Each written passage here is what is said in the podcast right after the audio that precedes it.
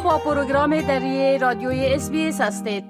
شنونده های عزیز حال با همکارم سامنوری درباره یکی از رویدادهای مهم صحبت می کنیم خب آقای انوری سلام عرض می کنم و مهمترین رویداد در و روز مخصوصا جنجال های در مورد آوردن یا جا دادن صدای بومی ها در پارلمان استرالیا به حیث یک دست مشورتی بله؟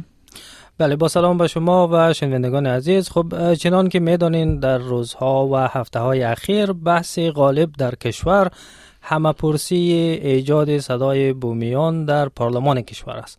حکومت کارگر به رهبری انتونی البنیزی قصد داره امسال یک همه پرسی را برای درج یک ساختار نمایندگی از بومیان استرالیا در قانون اساسی کشور برگزار کنه که این ساختار نمایندگی به وویس یا صدا هم معروف شده. ایجاد یک ساختار نمایندگی بومیان در پارلمان استرالیا یکی از خواسته های کلیدی بزرگان مردمان ابوریجینال و جزیره نشینان تنگه توریس در بیانیه معروف اولورو بود که در سال 2017 به مردم و حکومت استرالیا پیشکش شد. در او زمان حکومت ائتلاف برهبری مالکوم ترمبول ایجاد چنین ساختار را به معنای یک مجلس جدید در پارلمان استرالیا توصیف کرد و این خواسته بومی ها را رد کرد. اما حزب کارگر هم در جریان مبارزات انتخاباتی 2019 و همچنین در مبارزات انتخاباتی 2022 وعده داد که در صورت پیروزی بیانیه اولورو را به طور کامل عملی می‌کنه در همین راستا حکومت البنیزی در نظر داره اواخر امسال یک همه پرسی یا رفراندوم را برگزار کنه که در او از شهروندان استرالیا پرسیده میشه که آیا با تسجیل صدای بومیان در قانون اساسی استرالیا موافق هستند یا خیر. اما تا اینجای کار حزب ملی موضوع موضع خود را در قبال رفراندوم مشخص کرده و گفته که با او مخالفت می‌کنه. حزب لیبرال به پیتر داتون تا اکنون موقف خود را مشخص نکرده و مکررا از حکومت خواسته که جزئیات بیشتری را در مورد مدل پیشنهادی خود با مردم شریک کنه. و از سوی دیگر در روزهای اخیر جریان های از بین بومیان استرالیا هم به مخالفت با صدا برخواسته و گفتند که ایجاد یک ساختار نمایندگی از بومیان در بدنه پارلمان که نقش مشورتی داره نمی‌تونه مشکلات مردم را به درستی حل کنه بله خب بومیان خواستار به رسمت شناسی در قانون اساسی هستند و آل یک دسته دیگه می‌خواهد که مهاجرین هم در قانون اساسی استرالیا به رسمیت شناخته شود. بله؟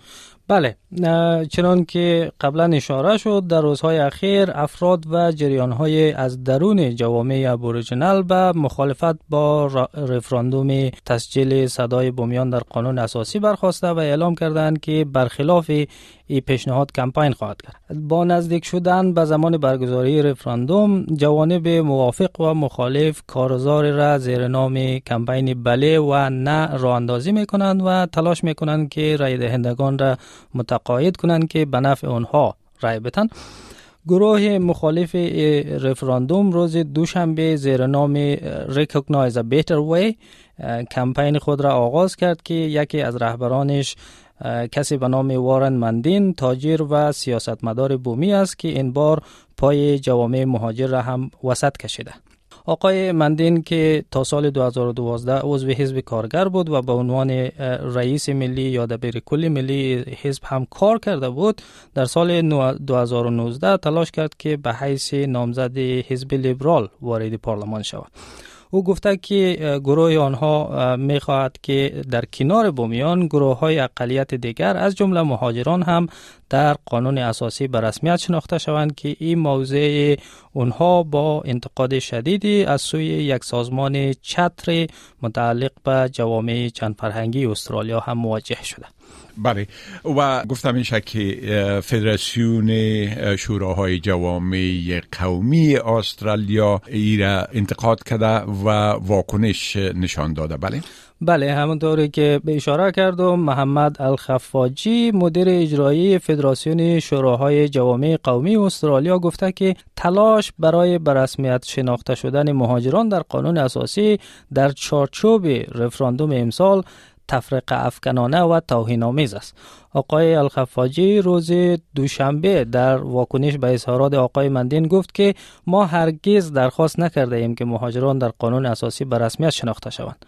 تلاش برای گره زدن جوامع مهاجر در این همه پرسی با استفاده از آن به عنوان یک استدلال نه تنها کارساز نخواهد بود بلکه به هوشمندی جامعه ما توهین می‌کنه او هشدار داد که این کار با حسن نیت انجام نمیشه و باعث تفرقه خواهد شد.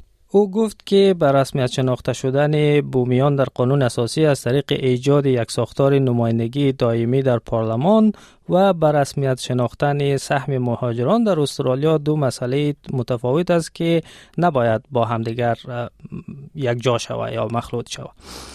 آقای الخفاجی همچنین گفت که جوامع مهاجر و پناهنده متحدان طبیعی جوامع ملل اول یا بومیان هستند و در کنفرانس ملی فدراسیون در سال گذشته حمایت قاطع از بیانیه اولورو و صدای بومیان در پارلمان وجود داشت.